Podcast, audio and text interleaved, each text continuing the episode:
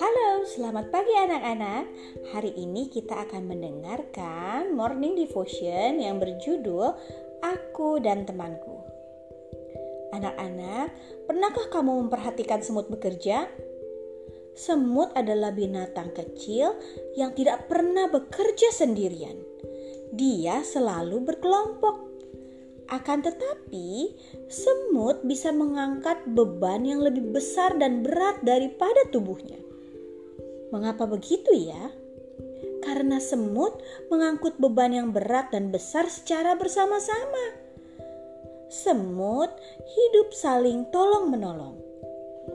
Seperti model bekerja para semut, Rasul Paulus juga mengingatkan warga gereja di Galatia untuk selalu bekerja sama dengan saling menolong. Manusia tidak dapat hidup sendiri Manusia selalu membutuhkan pertolongan dari orang lain. Kamu juga seperti itu. Kamu membutuhkan pertolongan orang tua untuk membesarkan kamu. Kamu membutuhkan pertolongan guru untuk mengajarmu.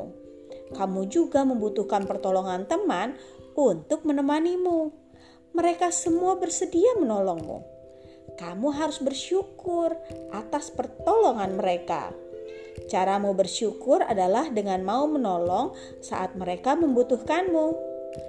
Tuhan menginginkan kita untuk saling menolong. Dengan saling menolong, pekerjaan atau masalah menjadi ringan. Anak-anak, yuk kita saling menolong. Bertolong-tolonglah menanggung bebanmu, demikianlah kamu memenuhi hukum Kristus. Galatia 6 ayat 2